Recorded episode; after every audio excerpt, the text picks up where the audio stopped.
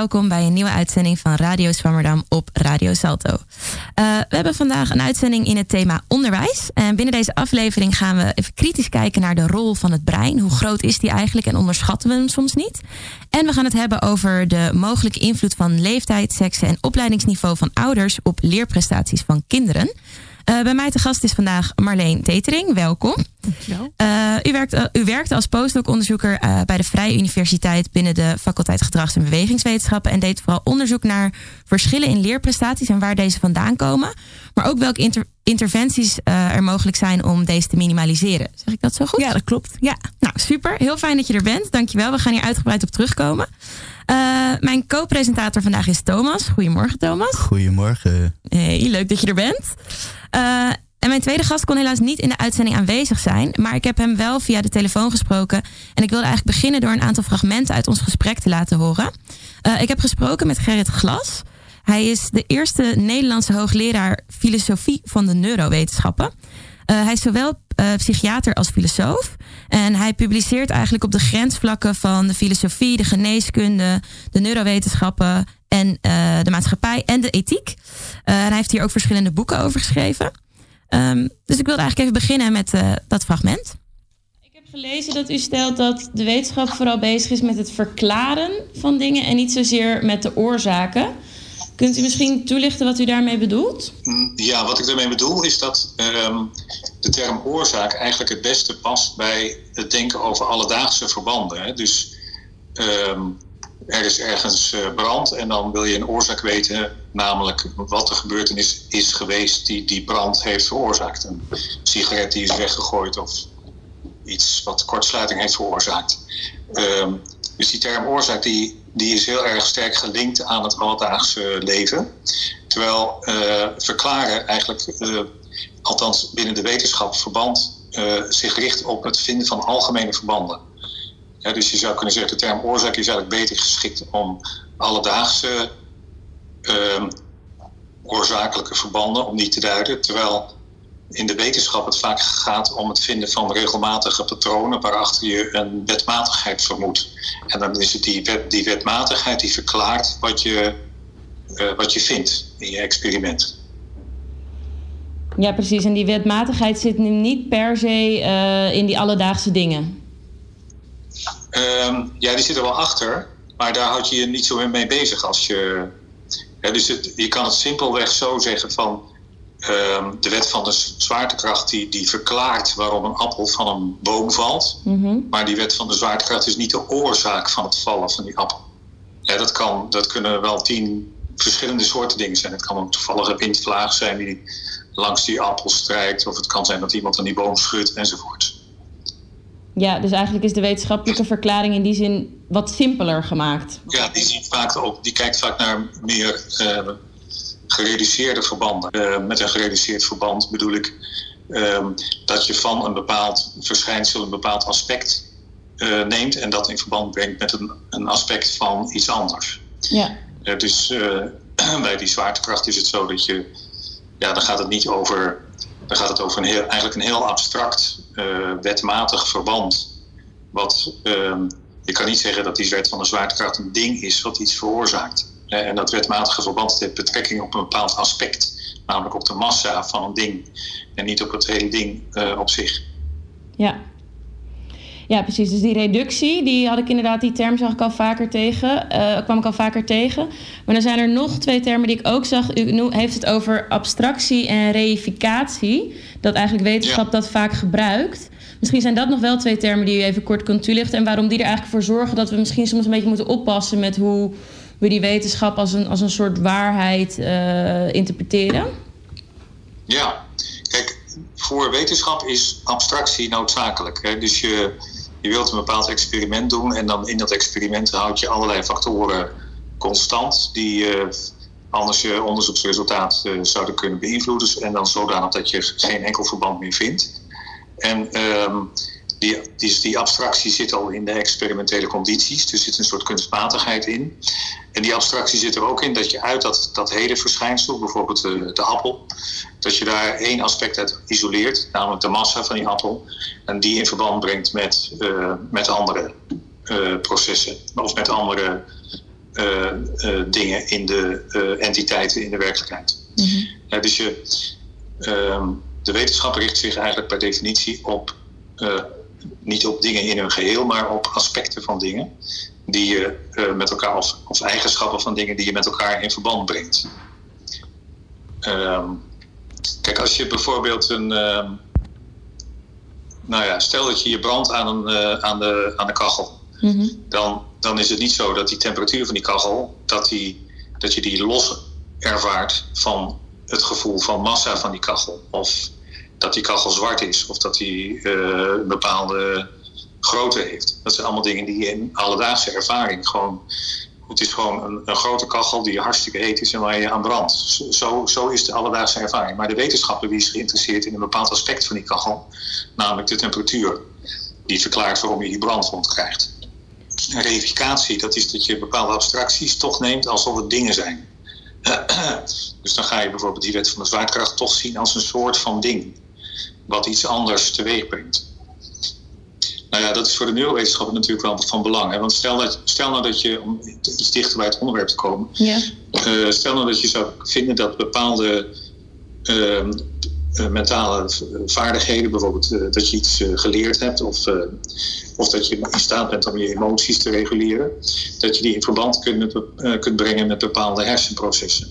Dan is het zo dat in het experiment dat echt niet dat hele leerproces of dat je die hele emotie bestudeert, maar bepaalde uh, aspecten daarvan. En dat die, wat je in het brein vindt, dat is ook niet het hele brein, maar dat zijn bepaalde bevindingen ten aanzien van circuits die je op een bepaalde manier bestudeert. Dus wat je in feite overhoudt zijn aspecten van circuits die op een bepaalde manier verband houden, correleren met, um, met die psychologische verschijnselen. En dan daar ook nog een bepaald aspect van. Um, Tot zover is het allemaal pure en zuivere wetenschap. Die is ook best relevant voor de praktijk. Maar het wordt reificatie, als je gaat zeggen. Uh, leerprocessen zijn in feite. En dan volgt een of andere uitspraak over het vuren van bepaalde neuronen in een circuit in het brein. Of als je zegt, een emotie is eigenlijk. Uh, of de emotie van angst is eigenlijk een ontregeling van de werking van de amygdala, om het iets te noemen. En dan ga je dus je model je theoretisch model wat je gebruikt om die experimentele condities te, te voorwaarden, om die, om die te definiëren, daar ga je aan voorbij. En van dat model maak je een ding, maak je een, een bestaand verband. En uh, dat ga je ook houden voor het een en het al. Ja, dus daarmee daar concludeer ik ook een beetje uit dat u zegt het is te simpel om. Uh, om, om gedachten en emoties te zien als, als vurende neuronen. Daar zit meer achter. Dat is, dat is te simplistisch om dat zo te, zien. Ja, omdat al die verschillende tussenstappen die slaan als het ware over. Je doet net alsof, alsof je het begin van de vraag, van hoe waar komen emoties vandaan, dat je, die, dat je al die tussenstappen overslaat om bij de conclusie te komen. En dan is de conclusie, uh, ja, het heeft te maken met bepaalde processen in het brein. En dan maak je van die processen in het brein als het ware de oorzaak.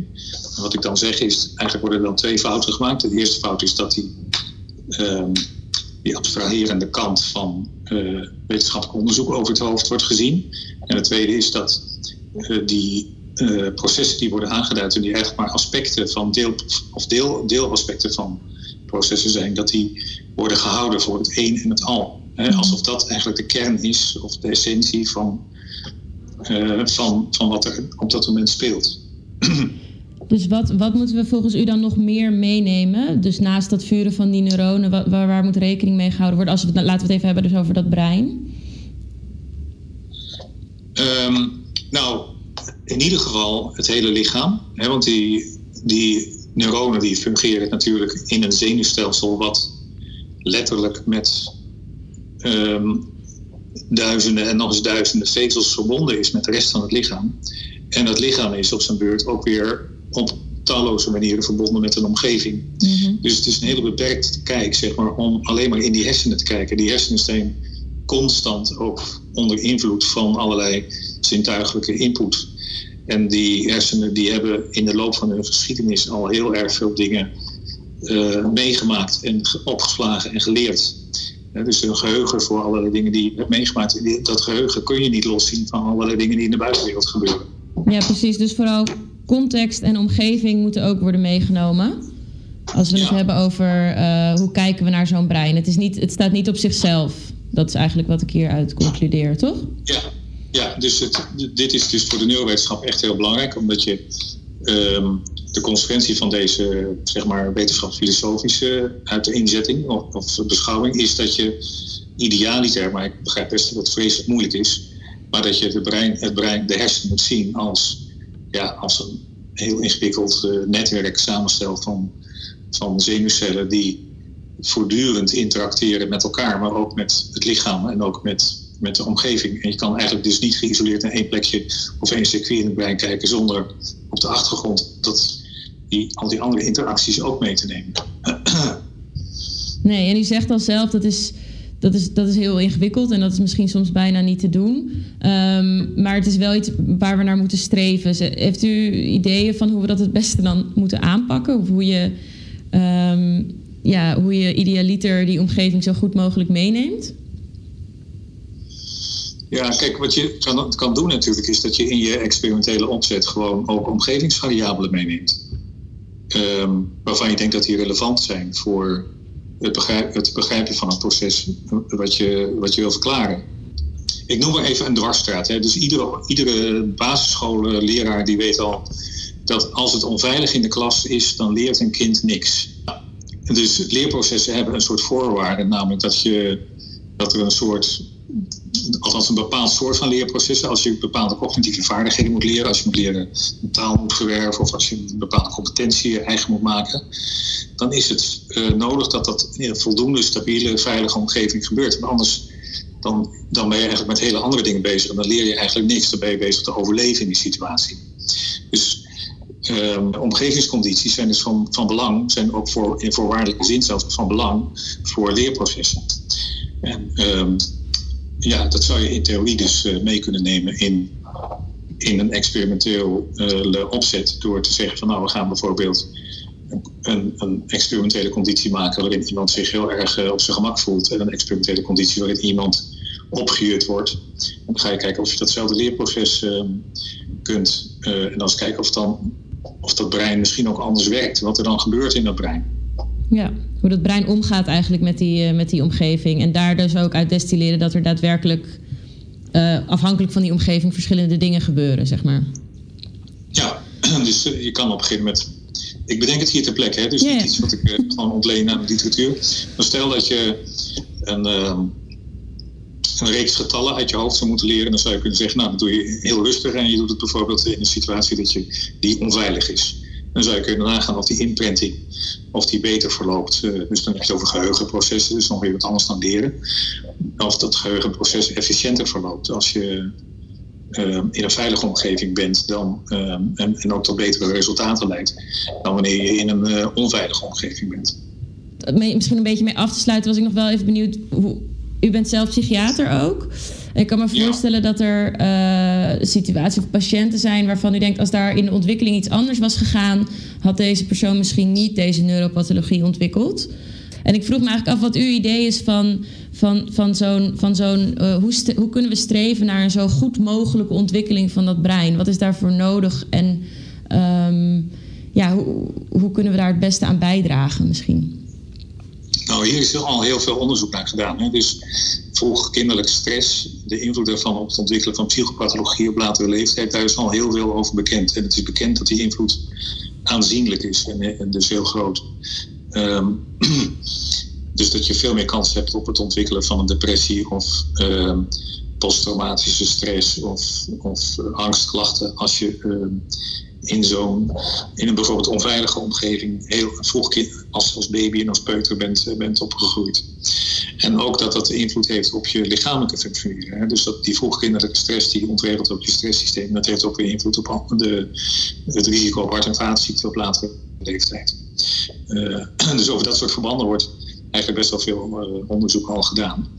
Ja, waar dat toe leidt is natuurlijk ja, toch ook wel ideeën over wat dan een ideale omgeving is voor, voor het kind.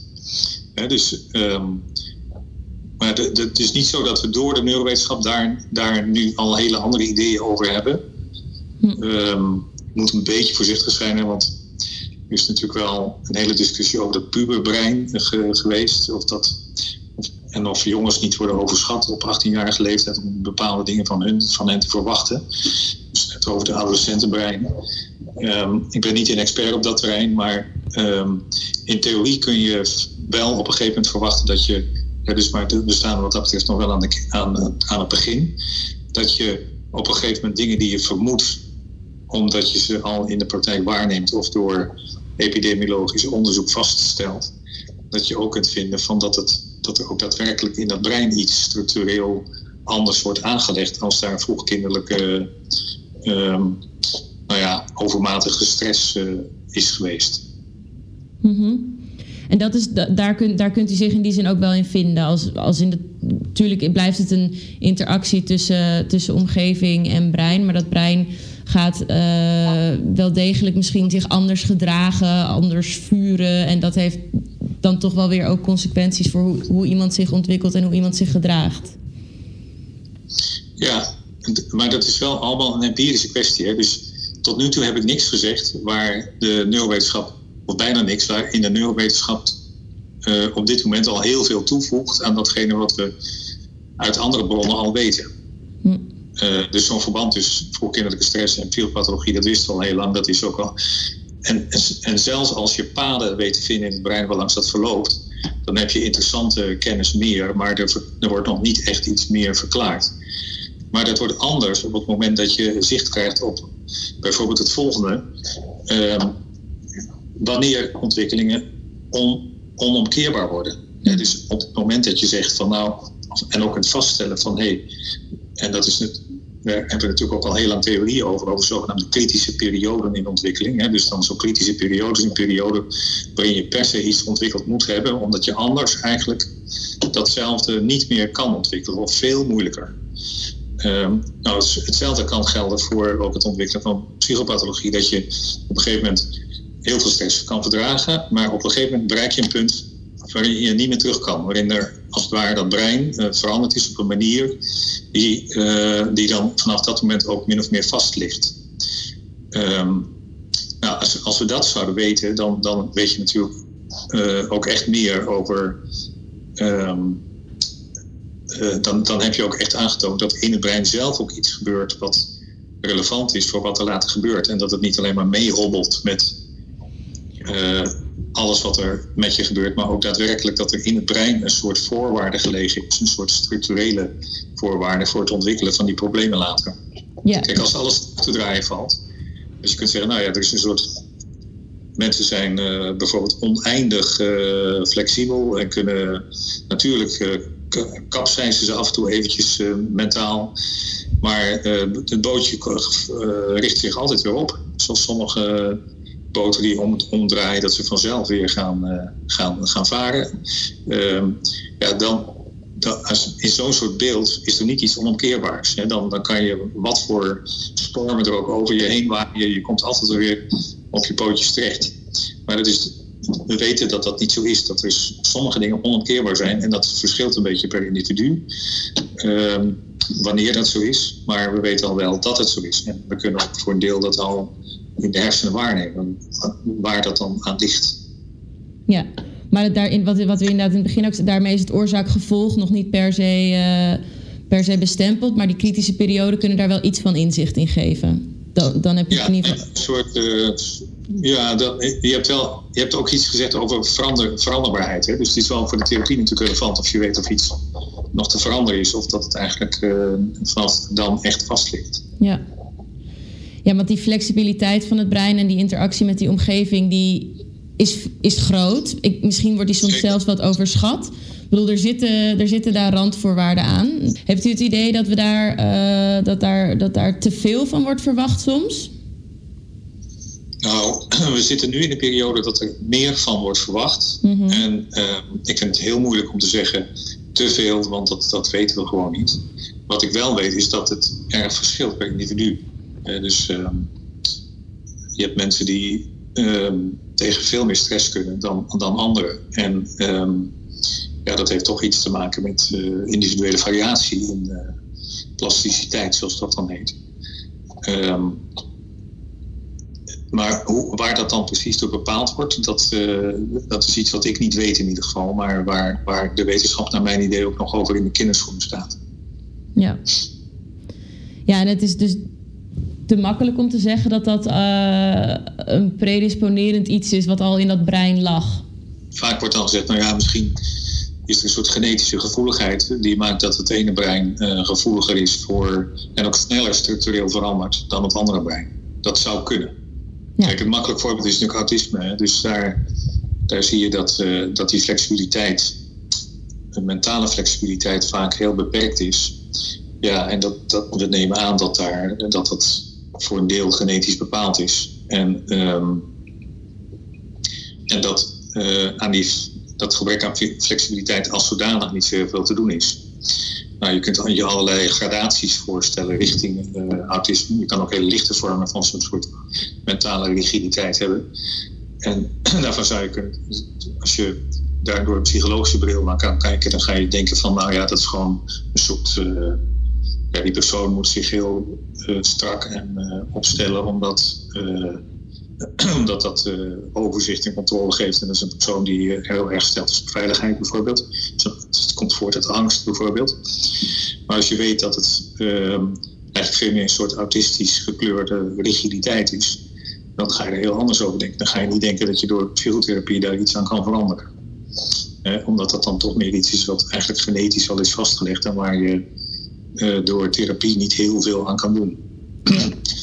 Misschien in over 100 jaar met pillen dat je iets aan die genetische kwetsbaarheid en aan de, de epigenetica kunt doen. Zeg maar in de ontwikkeling, in de hele vroege ontwikkeling, als die geen tot expressie begint te komen. Um, maar dat is dan nog heel erg uh, toekomstmuziek. Ja. Ja, precies. En, maar daarmee zit, zien we dus wel inderdaad, nu je zegt inderdaad genen, dus dat is breder dan dat brein aan zich. Uh, ja dus, dus inderdaad, het, is, het brein is meer dan, uh, dan, een, dan een statisch iets wat ze nu dan een, een, bepaalde kant op vuurt. Maar dus ondanks die interactie met de omgeving hebben inderdaad dit soort mensen, dus met, die, met, met zo'n gepredisponeerd gen of zo. Ja, kan je nog zoveel interactie met je omgeving van vragen. Er zit wel dus toch een limiet voor die mensen. Ja. binnen wat dat brein kan. En, dat, en dat, komt dus, dat is dus niet zo simpel als dat, dat brein is, is, de, is de staat. Dat komt natuurlijk van iets dieper, maar het is wel uh, in die zin al vrij vastgelegd, zeg maar. Ja. Ja, eigenlijk een uh, kritische noot dat we, niet, dat we uh, niet alles van de biologische processen van het brein moeten laten afhangen, maar dat we ook vooral omgeving en context moeten meenemen. Uh, Marleen, ik ben wel benieuwd, is dit iets wat jij herkent? Ja, dit is zeker iets uh, wat ik herken. Ik denk dat die omgeving waarin je opgroeit, hè, dus uh, ja, hoe je ouders uh, je opvoeden, wat voor stimuli zij aanbieden, maar ook je, de leerkracht waarmee te maken krijgt, vriendjes, vriendinnen. Ik denk dat ja, die, er is echt wel sterk bewijs vanuit de wetenschap dat dat wel echt een rol speelt bij hoe je je ontwikkelt en welke vaardigheden je, je ontwikkelt. Dus ja, bijvoorbeeld armoedestudies. Professor Glas heeft natuurlijk al veel voorbeelden gegeven wel. Maar bijvoorbeeld uit armoedestudies weten we wel echt dat kinderen die opgroeien ja, in armoede, dat die breinontwikkeling bijvoorbeeld echt wel anders verloopt dan kinderen die opgroeien in een westerse cultuur of ja, in hele welgestelde uh, families. Dus ja, die omgeving, ik denk dat die zeker een rol speelt bij hoe je brein zich ontwikkelt en welke vaardigheden je ontwikkelt. Ja. ja. Het doet me heel erg denken aan het concept van minority stress uit de sociologie. Dat is eigenlijk een soort theorie waarin men, mensen proberen te verklaren hoe het komt dat mensen die bij een minderheid horen, dus bijvoorbeeld mensen, immigranten of mensen met een kleurtje zoals ik uh, of homo's of zo, vaak eerder beginnen te lijden aan uh, ofwel psychologische problemen en ook fysieke problemen. En dat schijnt te verklaren zijn doordat zij gewoon uh, vaak in hun dagelijks leven meer stressfactoren tegenkomen. Discriminatie met name. Niet alleen gewoon bijvoorbeeld racistische opmerkingen, maar ook consequenties in bijvoorbeeld of ze een baan krijgen of niet. En dat levert allemaal extra stress op. En dat bouwt dan langzaam op en dan krijg je inderdaad een soort ja, lichamelijke en psychische problemen van. Heel uh, goed dat we dat uh, erbij in betrekking nemen bij dit soort onderzoek. Ja, ja. Ja, daar echt een nadruk op leggen. Ja, en zeker op een jongere leeftijd natuurlijk. Hè, wat professor Glas ook zei, dan is het brein nog zo plastisch en zo uh, eh, op gevoelig voor al die omgevingsinput, zeg maar. Eh, ja, dus zeker hoe jonger je bent, hoe groter die impact nog lijkt te zijn. Ja. Ja. Ja, en dus ook misschien hoe, hoe, uh, hoe flexibeler we daar nog steeds mee om kunnen gaan. Dus dat is ook het moment misschien om erop in te grijpen. Juist omdat het dus heel veel kan doen, maar ook nog vrij goed te sturen is naar een meer uh, positieve kant. Wat ik wel een leuk brugje vind naar wat jij eigenlijk aan het doen bent. Eerst identificeren van wat zijn nou factoren die maken dat, nou in jouw geval dan leerprestaties achteruit gaan. En dan vervolgens um, ook echt te gaan kijken hoe kunnen we daarop ingrijpen en hoe kunnen we dat op een positieve manier uh, beïnvloeden.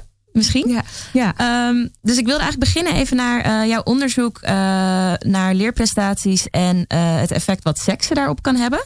Dus jonge meisje, man, vrouw zijn. En jullie hebben eigenlijk gevonden dat de zelfregulatie van meisjes tussen de 9 en 12 jaar hebben we het dan nu over, dat die beter is dan jongens.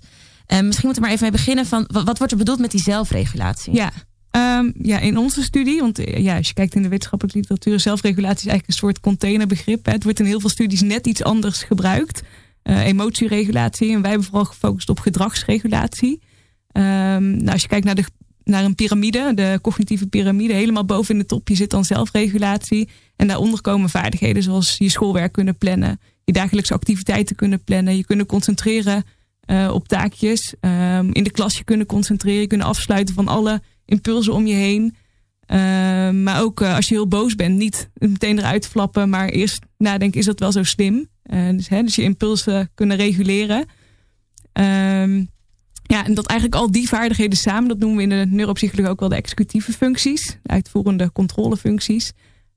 die hebben wij nu samengevat onder de term zelfregulatie. Dus eigenlijk allemaal vaardigheden die ten grondslag, ten grondslag liggen aan een goede zelfregulatie. Ja, en we hebben dus ook nog een belangrijk punt, denk ik wel, in de studie, dat we gevraagd hebben aan leerkrachten in dit geval en aan ouders om die vaardigheden te beoordelen van die 8 tot uh, ja, 9 tot 12-jarige kinderen. Uh, want wat je in de neuropsychologie ook wel veel ziet, is dat veel taakjes daarvoor gebruikt worden. Dus dat je kinderen achter de computer zet en kijkt hoe lang kunnen zij hun aandacht focussen uh, op een bepaalde taak. hoe, ja, hoe, hoe, snel worden ze boos? Ja, dus dat ze echt door middel van taken heel gestructureerd gaan kijken. Maar wij hebben echt gevraagd aan ouders en leraren van hoe zie jij nu bij dit kind hoe dat die vaardigheden zich ja, ontwikkelen, hoe dat gaat bij die kinderen. Uh, Oké, dus, dat doe je inmiddels een vragenlijst dan naar ja, daar hebben we een korte vragenlijst voor gebruikt. Uh, twaalf vragen die leerkrachten en ouders beoordeelden. Van ja, dit klopt bij mijn kind of dit klopt bij het kind. Klopt een beetje bij het kind of dit klopt heel erg bij het kind. Um, en dan dus ja, op drie soorten vaardigheden. Op de aandachtsvaardigheden, de planningsvaardigheden en op die zelfcontrole of die impulsregulatie uh, van kinderen. Dus ja, ons doel daarmee was ook een beetje om echt inzicht te krijgen van hoe gaat dat thuis bij zo'n kind. Uh, en ook voor leerkrachten, hoe gaat dat op school. Uh, Zaten, zaten, er, zaten daar nog verschillen in? Ja, klopt. Ja, en dat vond ik zelf heel interessant. Uh, je hoort dat natuurlijk wel terug in de praktijk ook. Dat hè, met zo'n 10 minuten gesprek dat ouders of leraren toch niet helemaal op één lijn zitten. In van hoe gaat het nu met je kind. Um, nou ja, en uit deze studie kwam dus echt naar voren dat leerkrachten en ouders een ander oordeel hebben soms over de functies van hun kind. Um, ja, ik denk dat het daarmee heel mooi in kaart brengt om ook het gesprek nog verder te stimuleren tussen ouders en leerkrachten. Ja. En was dan uh, verschil dat gewoon de hele tijd? Of was het, zag je dat eigenlijk vaak de ouders het, het een, positiever zagen dan de leerkracht of andersom? Ja, op, op sommige domeinen waren uh, ouders uh, positiever. Dus bijvoorbeeld over de planningsvaardigheden. Op andere gebieden waren leerkrachten positiever. Zo bijvoorbeeld die zelfcontrole. Dus ja, naar de oorzaak van die verschillen hebben we geen onderzoek gedaan. Maar ja, dat onderzoek aantoont dat er wel verschillen zijn, is natuurlijk wel interessant. Ja, zeker. Voor ouders en leerkrachten. Ja, een soort alarmpuntje, zeg maar. Ja, een soort mismatch tussen die twee, eh, wat toch ja. allebei hele belangrijke factoren in zo'n in zo'n in zo'n kind zijn ontwikkeling zijn. Ja. Zou het ook uh, uitmaken of je, uh, ja, dat vind ik dan weer heel interessant, maar of je een meisje of een jongen bent, hoe je ouders dan zien dat je presteert? Vinden ouders bijvoorbeeld van meisjes misschien dat ze zich beter kunnen inhouden dan jongens, terwijl ze misschien even, evenveel of ja, niet zo heel veel verschil is? Ja, nou dat is misschien wel interessant. Dat deze verschillen die we vonden tussen ouders en leraren waren eigenlijk vooral bij meisjes zichtbaar. Mm. Dus um, bij jongens die beoordeelden ze wel over het algemeen hetzelfde. Maar bij meisjes zag je echt duidelijke verschillen. Um, ja, nogmaals, waar dat vandaan komt, dat hebben we niet onderzocht. Maar ik kan, kan me voorstellen bijvoorbeeld een stereotype beeld dat je hebt. Van hè, dat meisjes misschien al iets voorlopen. Of dat je dat misschien ergens hebt gelezen. Dat je dus meer verwacht ook uh, in die zelfregulatie van een meisje op een bepaalde leeftijd dan jongens. Dat dat wel een rol kan spelen. Maar nogmaals, daar hebben wij nu niet naar gekeken. Maar... Mm -hmm. Ja. Uh, ja, ik kan me wel voorstellen dat dat een rol speelt. Ja. Want jullie vonden wel over het algemeen dus uh, dat, dat meisjes daar iets beter in zijn. Ja. Uh, dus dat werd zo beoordeeld van zowel de, de ouders als de, als de leraren. En wat, wat zit daar naar jullie idee achter? Ehm, Waar, waar komt dat vandaan? Zeg maar dat die meisjes. dat eh, meisjes het beter Ja. doen op die leeftijd dan Ja. jongens. Ehm, ja, nou, bijvoorbeeld het hersenonderzoek zien we hè, dat, dat die prefrontale cortex, dat is eigenlijk de voorste kwap van je brein, eh, dat daar verschillen in zijn in het tempo waarin dat deel tot rijping, eh, ja, of, of hoe snel dat deel zich rijpt. Mm. Het is eigenlijk het deel van het brein dat zich relatief laat begint eh, te rijpen. En dat is dus ook het deel dat vaak wordt geassocieerd met die zelfregulatievaardigheden, dus met die executieve functies. Ehm, en als we kijken, ja, dan lijkt het dat dat gebied, dat die rijping van dat gebied net iets voorloopt bij meisjes in deze leeftijdsperiode ten opzichte van jongens. Ehm, ja, dus we denken dat dat, eh, ja, dat dat wel een rol kan spelen waarom er verschillen zijn in hoe in die vaardigheden op die leeftijd. En het is natuurlijk wel vooral op die leeftijd een hele belangrijke eh, bevinding. Want dat is de leeftijd waarin ook wordt bepaald hè, welk niveau ga je naartoe in het voortgezet onderwijs. Eh, ja, en als, als, als meisje, als je die hoger inschat qua hoe goed ze het schoolwerk kan organiseren, hoe zelfstandig ze werkt aan taken. En dan kun je ook voorstellen dat, dat, eh, dat zij een hoger schooladvies krijgen dan die jongens. En dat is ook wat we ook wel zien, hè? dat meisjes eh, over het algemeen iets voor, ja, beter doen op school dan jongens. En Mm. ja, dit zou daar wel een verklaring voor kunnen geven. En nogmaals, dat hebben we ook niet onderzocht. Maar dat is natuurlijk wel een, een soort handvat van eh, wat nog wel interessant zou zijn om uit te zoeken. Want hoe, in hoeverre speelt dit dan een rol daarin, deze verschillen? Ja, zeker. Ja, zeker. En dan zou je misschien bijna kunnen beargumenteren dat we misschien, zeker voor de jongens, daar wat te vroeg al een, een, een soort tweesplitsing in maken. Dus dat, dat advies wat je dan al op je twaalfde of elfde krijgt, is misschien eigenlijk zeker dus voor jongens te vroeg. Ja, dat zou ik kunnen indenken. Als het daadwerkelijk zo is dat dit daar echt een rol bij speelt, waarom meisjes dus een hoger schooladvies zouden krijgen dan jongens.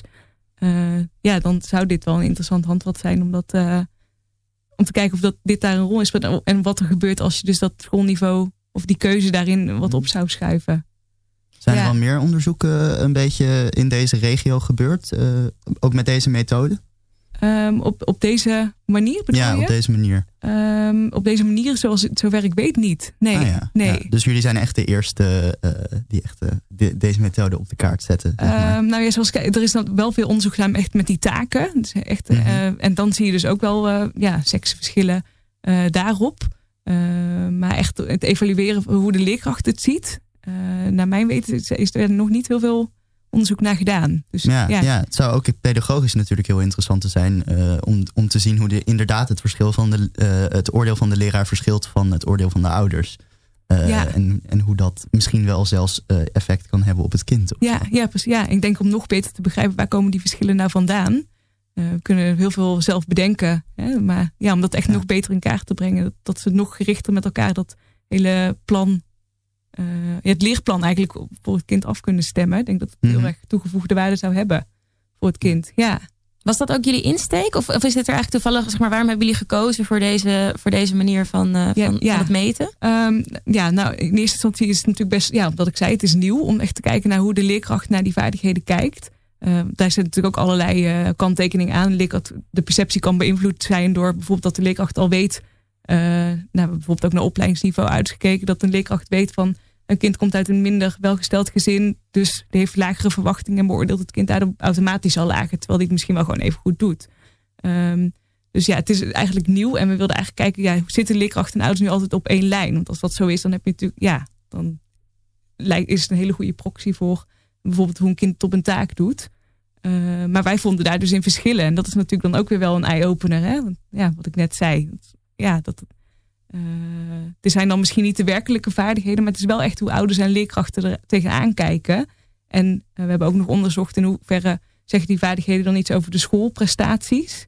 Ehm, en dan blijkt dat dat oordeel van die leerkracht echt wel sterk samen te hangen met eh, hoe goed een kind het daadwerkelijk doet op school. Dus het heeft wel echt waarde over ja, hoe, een, hoe een leerkracht ziet hoe een kind eh, zijn taak aanpakt op school. Hoe goed hij zich kan concentreren in de school. Hoe goed het gedrag is van het kind in de klas. Dat dat echt wel iets zegt over die schoolprestaties. Dus daarmee is het wel een hele waardevolle manier om naar die eh, oordelen van de leerkracht te Ja, kijken. als, als- om dat als, meet, als, als meetinstrument te Ja. gebruiken eigenlijk. ja. Oké, en we vinden dus inderdaad dus dat, die, dat, die, dat die jongens daar, daarin wat achterlopen. En over het algemeen dus ook wat, wat lager worden ingeschaald als het gaat om die zelfregulatie. Ze- Hebben jullie ook nog nagedacht over bepaalde interventiemogelijkheden? Hoe we dat beter kunnen maken? Dan vooral Ja. voor de jongens, maar misschien ook voor de meisjes. Ja. Eh, ja, nou ja, ik denk dat het handvat geeft van hè, naast het stimuleren van die cognitieve vaardigheden, dus leren rekenen, taal, uh, dat het minstens zo belangrijk is om ook in te gaan zetten op die non-cognitieve vaardigheden, die executieve functies. Um, ja, juist omdat die ook zo belangrijk is, dat is eigenlijk de voorwaarde. Als je die functies niet goed ontwikkeld hebt, dan kun je ook niet leren rekenen. Of kun je, ja, als je niet kunt plannen of je niet kunt concentreren op je rekenwerk, dan zullen je prestaties ook niet goed zijn. Uh, we hebben daar zelf voor een, uh, een interventie ontwikkeld. Dat heet Breinplein. Um, speel- en spelmateriaal. En daarbij hebben we ja, eigenlijk een soort neuropsychologische instructies ontworpen. Dus eigenlijk wat we in de uh, onderzoekspraktijk doen. Dus kinderen testen middels die test. Um, dat soort instructies koppelen aan speel- en spelmateriaal. Dat gewoon bij de Intertoys op het internet. uh, ja, bol.com weet ik veel waar. Waar het gewoon heel makkelijk te koop is.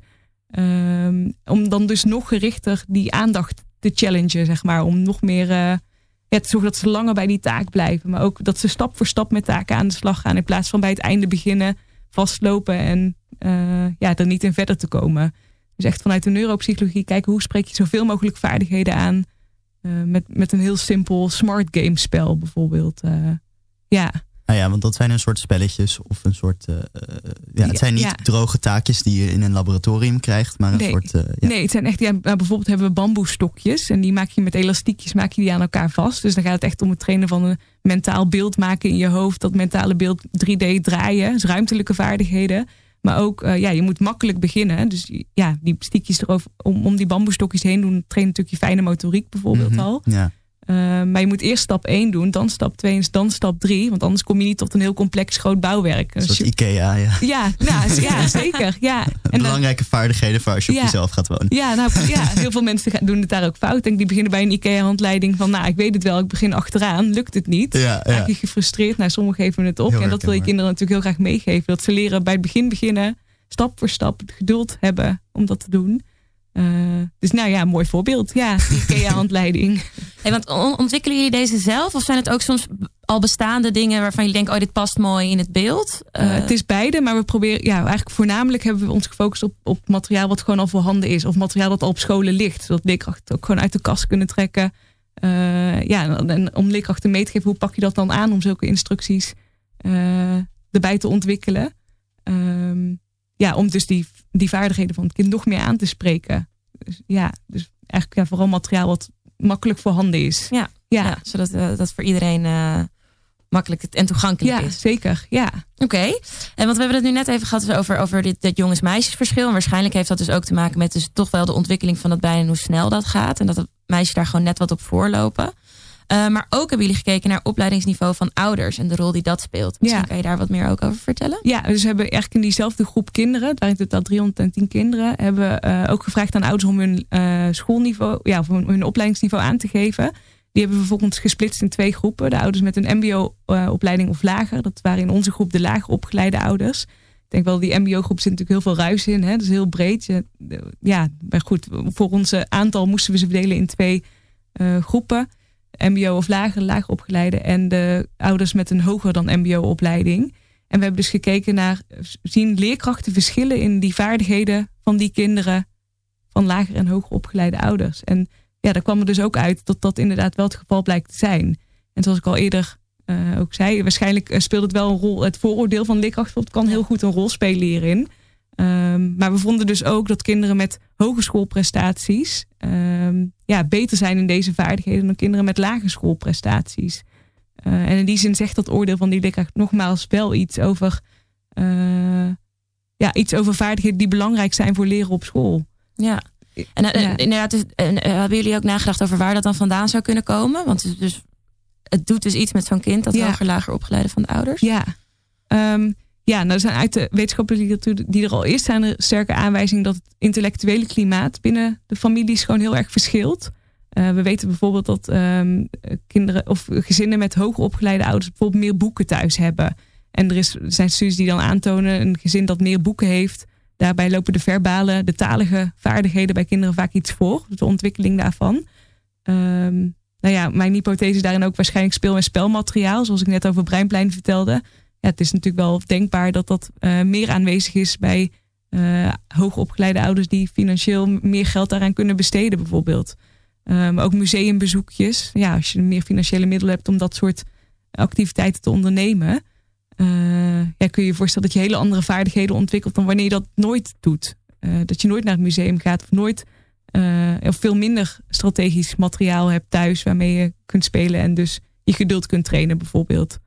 Ehm, ja. ja. Is het, is het doel dan ook om eh, bijvoorbeeld kinderen die nu als laag opgeleid of die uh, nu voorspeld worden dat ze naar een uh, tussen aanhalingstekens lagere opleiding gaan, naar een hogere opleiding te krijgen? Of is het meer het doel om te kijken wat, uh, wat, hoe, hoe, hoe dat verschil te verklaren is? Want ik denk zelf dat het niet per se. Ik denk, ik bedoel natuurlijk kinderen die wat intellectueler ingesteld zijn of wat meer van het echte de rijtjes leren zijn, moeten natuurlijk ja, naar HAVO-VWO, uh, denk ik zelf. Maar kinderen die echt praktischer ingesteld zijn. Ik bedoel, ik, ik was als ik las heel veel als kind en ik ben heel veel meegenomen naar musea. En ik ben echt uh, uh, in dat milieu opgegroeid en ik ben zo ook geworden. Maar ik denk dat ik kan bijvoorbeeld helemaal, nou ja, al een IKEA-pakket niet zo goed in elkaar zetten. Uh, of uh, ja, ik zou echt nooit van mijn leven uh, praktisch werk kunnen nee. doen. Want ik bedoel, ik raak al gestrest als ik achter een bar sta. Dat heb ik ook ja, ervaren. Ja. dus ik denk dat het, ja, is het doel om de mensen die nu naar een tussen aanhalingstekens lage opleiding gaan, naar een tussen aanhalingstekens hogere opleiding te krijgen? Of is het echt de bedoeling om die dingen ja. te verklaren, zeg maar? Ja, het doel van deze studie is dat niet. Het is niet ja, niet eh, dat je die vaardigheden. Maar als je bijvoorbeeld uh, achter de bar gaat staan, dan moet je ook leren om te plannen. En waar begin je, wat doe je daarna? Je moet ook leren om geduldig te blijven. Je moet ook leren om je te focussen op situaties. Ik denk dat die vaardigheden zowel voor de kinderen die, of ja, voor de jongeren die kiezen voor een lagere opleiding, uh, belangrijk zijn als voor kinderen die kiezen voor een hogere opleiding. Ook in het dagelijks leven op zichzelf. Bijvoorbeeld, ja, als je heel impulsief bent, dan kom je sneller in aanraking uh, met crimineel gedrag bijvoorbeeld. Ook een andere studie uit mijn proefschrift waar we onderzoek naar hebben gedaan. Oh. Dus het zijn um, echt meer universele. Ja, het zijn vaardigheden die ja, over het in het dagelijks leven gewoon heel belangrijk zijn. Uh, bij wat voor beroepsgroep je ook kiest eigenlijk. Dus, mm -hmm, dus daarom ja. denk ik heel belangrijk om die ja, voor de zelfredzaamheid van het kind of van de jongeren, om, om te, meer te weten over hoe ontwikkelen die vaardigheden zich en wat voor factoren hebben daar een invloed op. Op hoe die factoren, ja, die vaardigheden zich ontwikkelen. Ah ja, heel ja. erg ja, interessant. Ja, nee, zeker. En dus um, zou je dezelfde uh, interventiemethodes inzetten hier als, dat, als we daarvoor hebben besproken? Dus wederom die, die eigenlijk al bestaan en die taakjes. Ja. En, dat, uh, en die dan gewoon ook vooral dus voor de kinderen misschien van wat lager opgeleide ouders. Um, ja. ja, of zijn er nog specifiek ja. andere interventies voor te bedenken? Um, ja, er zijn denk ik heel veel interventies te bedenken. En ook breinpleinen. Het zijn nog heel mooi om echt wetenschappelijk in kaart te brengen van in hoeverre gaan die vaardigheden nou echt uh, erop vooruit. Dus dat is nog echt wel iets wat we, of wat ik graag nog zou willen doen, om dat te bekijken. Um, maar um, nou, ik denk dat Breinplein ook voor deze kinderen heel goed uh, in te zetten is. En ook school zou daar een hele belangrijke rol in kunnen spelen. Om uit te leggen aan die ouders van wat is nu het verschil. Uh, ja, hoe kun je die veiligheid van, die van je kinderen nu stimuleren? Hoe doen hoger opgeleide ouders dat? En wat zouden jullie ook kunnen doen om er veel meer psycho-educatie daar eigenlijk al uh, in te geven? Ik denk dat, rol, dat school daar ook een hele belangrijke taak in zou kunnen spelen. Ja. Oké, okay. ja. nee, super interessant. We komen hier zo ook nog even op terug, ook wat jij uh, binnen Denkkracht doet, wat er denk ik ook, uh, wat hier ook aan gerelateerd is. Ik wil tussendoor nog heel even naar de column gaan. Uh, Matthijs heeft een column voor, voor deze uitzending geschreven. Hij kon er helaas zelf niet bij zijn, maar hij heeft hem opgenomen. en daar wilde ik zo even naar gaan luisteren. Het is wederom een vrij kritische noot naar ehm, hoe we de rol van dat brein misschien soms toch wel een beetje overschatten. We gaan even luisteren. Radio Swammerdam wijst een uitzending aan de rol van het brein in het onderwijs. Een gevoelig thema waar nog veel onduidelijk is. En dat terwijl er toch een hoop onderzoek naar wordt gedaan. Zo schijnt een groep cognitieve neuropsychologen op het Routers Eilandcomplex onlangs een interessant statistisch verband te hebben geconstateerd. De wetenschappers beweren dat ze inmiddels een grootschalige cohortstudie met controlegroepen en peer reviews in zijn geslaagd een positieve correlatie aan te tonen tussen het brein aan de ene kant en prestaties in het onderwijs aan de andere kant. Verdere analyse met behulp van de nodige logaritmische transformatie en lineaire regressie bevestigt dat de variabelen elkaar met een waarschijnlijk hoge waarschijnlijkheid beïnvloeden. Toch moeten de onderzoekers ook kanttekeningen plaatsen bij hun resultaten. Hoe ze de data ook masseren, de aangetoonde correlatie is niet significant. Met andere woorden, het is prima mogelijk om veel succes te behalen in het onderwijs zonder dat daar een evenredige hoeveelheid hersenactiviteit tegenover staat. Verdere analyse van de onderzoeksobjecten wijst uit dat deze negatieve conclusie volledig te wijten is aan één subpopulatie. Die van populair wetenschappelijke hersenprofessoren. Twee individuen in het bijzonder zijn verantwoordelijk voor de bedorven p-waarde. Hun namen Dick Swaap en Erik Scherder. Met het wetenschappelijke oogmerk van Radio Swammerdam in gedachten heb ik besloten om de grijze massa van deze outliers hier live in de studio te onderwerpen aan een follow-up onderzoekje. Op het programma staat een dubbele schedelboring tot voorbij het harde hersenvlies. Eenmaal onder de motorkap kunnen we dan eens goed bekijken welke gebieden hun abnormale gedragspatroon verklaren. Uit respect voor de privacy van de onderzoeksparticipanten gaan ze onder de namen subject 1 en subject 2 in willekeurige volgorde onder de boor. Een stukje wetenschappelijke integriteit van mijn kant. Het taalcentrum van subject 1 heeft in 2010 de bestseller Wij zijn ons brein geschreven. In het boek wordt beweerd dat mensen zo sterk worden gestuurd door hun hersenen dat er van een vrije wil geen sprake is. In het geval van subject 1 is dit in ieder geval correct. Hij wordt volledig geregeerd door zijn hersenschors. Ook de basale ganglia en de thalamus hebben heel wat in de melk te brokkelen, omdat zij samen het beloningssysteem vormen. Overactiviteit in deze regio kan zich uiten als materialisme. En een materialist is subject 1 zeker. Volgens hem valt alles te reduceren tot fysieke processen in het brein en kunnen mensen zichzelf amper veranderen. Dat is voor bijna iedereen slecht nieuws, dus pessimistisch is subject 1 ook nog eens. Dit verklaart waarom zijn cortex singularis anterior er wat slap bij hangt. Het hersenonderdeel dat verantwoordelijk is voor optimisme. Zagen we nog even door, dan zien we dat ook zijn amygdala een flinke oplawaaier heeft gehad. Als ik erin druk, veert het weefsel totaal niet terug.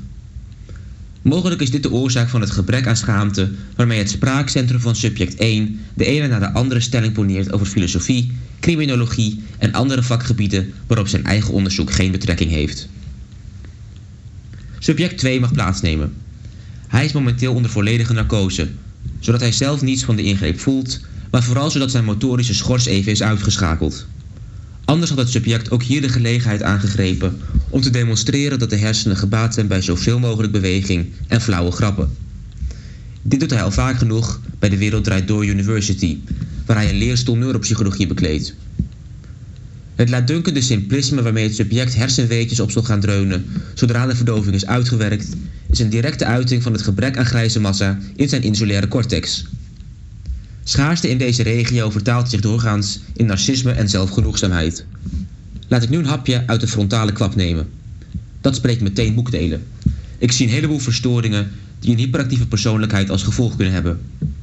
Subject 2 staat bekend om mantra's zoals zitten is het nieuwe roken, waarmee hij blijk geeft van een rusteloosheid die in een direct klinisch verband staat met deze observatie.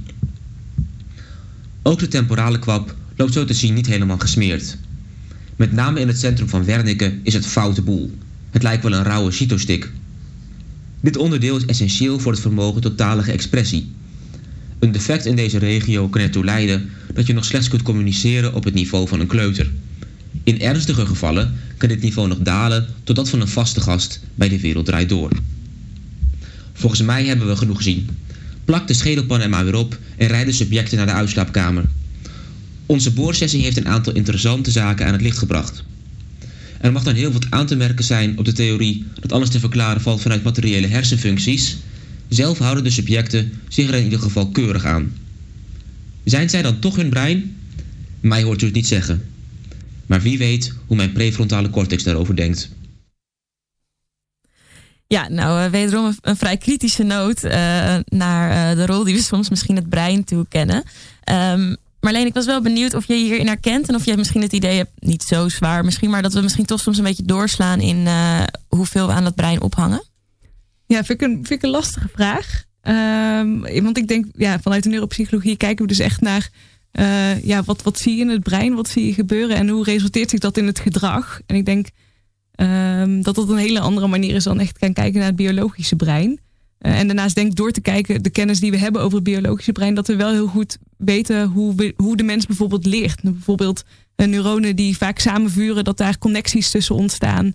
Uh, hoe vaker dat gebeurt, dat die connecties steeds sterker worden en dat je daardoor leert. ja, ik denk dat dat een, bijvoorbeeld al een heel simpel voorbeeld is van wat we op school heel goed kunnen gebruiken. Herhaling, het belang van herhaling staat daar centraal. Dus ik denk wel, ja, aan de kant hoe het brein, kennis over het brein is wel belangrijk voor hoe we leren of hoe, hoe we ons gedragen. Dus ik kan veel zeggen. Aan de andere kant denk ik dat het vooral gaat om, om de functies van het brein. Hè? Dus uh, ja, dus ja, nou ja, eigenlijk dat. De functies van de, vaardigheden die erbij horen. Dat we dat die connectie vooral niet uit het oog verliezen. Um, ja, dus in die zin, ja, ik ben natuurlijk ook wel neuropsycholoog. Dus ik vind het brein zelf echt heel erg interessant. Dus ik ben wel uh, subjectief hierin misschien. Maar ja, ik denk dat kennis over het brein juist wel veel inzichten kan geven in uh, wat we er in de praktijk mee zouden kunnen doen. Ja. ja. En dus ook dat brein bijna kunnen, kunnen gebruiken als een, als een soort meetstaaf van. Uh, van hé, hey, goh, we zien dit veranderen. Dat betekent misschien dit of niet. En hier kunnen we op ingrijpen. Of hier kunnen we bepaalde interventies aan ophangen. Ja, en dan nogmaals moeten we denk ik echt de rol van de omgeving niet ja, vergeten. Want die is echt, ja, echt, zijn echt wel sterke aanwijzingen die echt heel belangrijk is voor hoe je hersenen zich ontwikkelen. En voor, dat, voor die processen die plaatsvinden in je brein. Dus uh, ik denk zowel brein als omgeving. Ja, dat we dat alle twee wel echt goed moeten bestuderen en bekijken. Ja. ja, en daar gewoon ook kritisch in blijven en, uh, ja. en beide meenemen. Zeker, ja. Oké. Okay. En ik wilde nog voor op het einde toch nog even kort ingaan op het werk wat je momenteel doet. Uh, de kliniek, Denkkracht heet ja. het. Um, ja, misschien kun je daar wat meer over vertellen. Wat, wat, wat doen jullie daar en wat ja. is het doel? Um, ja, er zit, het is echt bij, bij de GGZ eigenlijk. Kijken we naar kinderen bijvoorbeeld met gedragsproblemen of kinderen die vastlopen op school. Um, ja, waar gaat het mis in die vaardigheden? Wat, wat zijn neuropsychologische uh, factoren die daar een rol in spelen? Dus we, ja, je kijkt bijvoorbeeld ook naar de, hoe, hoe, in wat voor omgeving groeit dit kind op. Um, maar wat we vooral doen, die piramide waar ik helemaal in het begin al wel over verteld heb. Dus we kijken naar de planningsvaardigheden, de aandachtsvaardigheden, uh, de zelfregulatie, de impulsregulatie. allerlei vaardigheden. En wat zou kunnen, ja, wat zou het nou kunnen verklaren waarom het niet zo goed gaat op school? Gaat daarin iets mis of gaat daarin juist al iets heel erg goed? Uh, ja, en, en waarom gedraagt dit kind zich zoals die zich gedraagt? Want dit zijn, dit zijn uh, kinderen waar ja, een beetje plat gezegd waar het al mis is gegaan. Of in ieder geval, daar zijn al problemen binnen school. Ja, een kind meldt zich over het algemeen uh, aan met bijvoorbeeld de schoolprestaties uh, blijven achter. Terwijl je dat niet zou verwachten op basis van bijvoorbeeld een intelligentietest. Dus je zou verwachten dat een kind prima moet aankunnen op school, maar toch gebeurt er iets waardoor het helemaal niet goed gaat. Of een kind, uh, je ziet gedragsprobleem, kind is altijd boos. Of kind ja, nou ja, die kunt je van alles bedenken. Die kunnen um, zichzelf bij jullie aanmelden? Uh, ja, ja, die worden via scholen bijvoorbeeld, uh, ja, kunnen ze via de GZ kunnen ze zich aanmelden uh, bij Denkkracht. En dan worden die kinderen echt neuropsychologisch in kaart gebracht. ja, om te kijken van hoe kunnen we beter handvaten geven eigenlijk om dit kind verder te helpen. -hmm. ja. Dus, ja. Oké. Okay. En zijn er al, heb, weet ik niet hoor, maar zijn er al een soort preliminary resultaten? Zien jullie een bepaald patroon nu al terugkomen? Of bepaalde factoren die uh, daar veel invloed op schijnen te hebben? Of? Um, bij Denkkracht zelf bedoel ja, je? Ja, ik dus moet eerlijk zeggen, ik werk hier nog maar net. Ik ben, echt, uh, ik ben deze zomer gepromoveerd en ik ben uh, pas net, ja, dus mijn vierde maand dat ik nu die overstap echt maak naar die klinische praktijk. Maar eigenlijk deze manier van kijken wordt ook veel gedaan bijvoorbeeld met, met patiënten met hersenletsel, patiënten met dementie, Alzheimer. Um, nou ja, en, en door echt te kijken naar die neuropsychologische vaardigheden, wat bijvoorbeeld ook in mijn promotieonderzoek terugkwam, het zegt zoveel over hoe het gaat op school, hoe lekker je je voelt, hoe goed je in je vel zit. Ja, je kunt je voorstellen als een kind eh, constant veel te veel prikkels binnenkrijgt, die prikkels helemaal niet kan filteren, dat, dat je daar heel onrustig van wordt. Um, ja, en als je dat nu echt in, in kaart kunt brengen, van waar zit dat probleem nu, waar, waarom kan dat kind die, die, die prikkels niet filteren, dat je veel gerichter ook aan, aan leerkrachten bijvoorbeeld adviezen kunt geven waar dat kind baat zou kunnen hebben in de klas. En dat het kind daardoor ja, daar echt wel op iets aan heeft. Uh, ah, ja, Dus, je probeert dus echt de context van het kind ook uh, te betrekken. Dus leerkracht, ja, zeker ouders. ouders ja. ja, dat is natuurlijk heel belangrijk. Ja, weer die omgeving eigenlijk. Hè, die probeer je op zo'n manier in te richten dat het kind zo goed mogelijk tot zijn recht, ja, zo goed mogelijk kan functioneren. Ja, wat voor advies geef je dan aan die kinderen mee? Uh, geef eens een voorbeeld. Stel, ik heb te veel um, prikkels in mijn omgeving. Uh, ja, nou, mijn ouders zijn de hele tijd druk of zo. Ja, nou, een kind kan bijvoorbeeld in de klas, eh, een hele drukke klas, uh, ja, door het kind even apart te zetten of door een rustplek te creëren voor het kind, kan het misschien wel concentreren, kan het wel op het leerwerk bijvoorbeeld focussen. maar ook bijvoorbeeld als je tegen een kind die het moeilijk vindt om zijn handelingen te plannen, dat je zegt, ga eerst de tafel dekken, dan naar boven je kamer opruimen en vervolgens moet je om half twee bij de buren zijn. Geef dat kind eerst één instructie. Dus eerst ga je de tafel dekken. Als het kind klaar is, dan zeg je nu ga je je kamer opruimen. Dus veel kleinere, overzichtelijkere taken geven. Het kan voor sommige kinderen ook al heel erg helpen. en als je dus weet dat een kind daar niet zo goed in is, is dat plannen, dan ja, weet je wat voor dingen je moet doen om het kind echt te helpen natuurlijk. Ja. Ja. Ja, heel leuk. Uh, dus eigenlijk voornamelijk wat jullie meegeven zijn, uh, zijn, zijn, toch wel tips, tips en tricks en daarmee de hele omgeving uh, betrekken. Doen jullie ook echt taken nog met die kinderen? Of ja, dit is echt aan de hand van neuropsychologische taken. Dus echt de, ja, de computertaken, zeg maar. ja, waar ik het eerder over had. Computertaken, ja. maar ook geheugentaken, planningstaken. Ja. Ja, super. Ik hoor uh, de eindtune in mijn oor, dus uh, we moeten gaan afsluiten. Um, we hebben het vandaag gehad dus over de uh, rol van het brein in de ontwikkeling. maar ook vooral dat we dus de omgeving en die andere factoren moeten meenemen. En zeker, zeker niet moeten vergeten dat het altijd complexer is dan je soms misschien denkt. nou ja, aan tafel zat Marleen Tetering. Heel erg bedankt voor je, voor je komst. En bedankt voor je uitleg over je onderzoek. En heel veel succes ook binnen Denkkracht. Dankjewel, jullie bedankt. Yes, nou ja, de column was van uh, Matthijs. En naast mij zat Thomas. Dankjewel voor je komst. En, de techniek, en de techniek was in de hand van Korto. Korto, bedankt.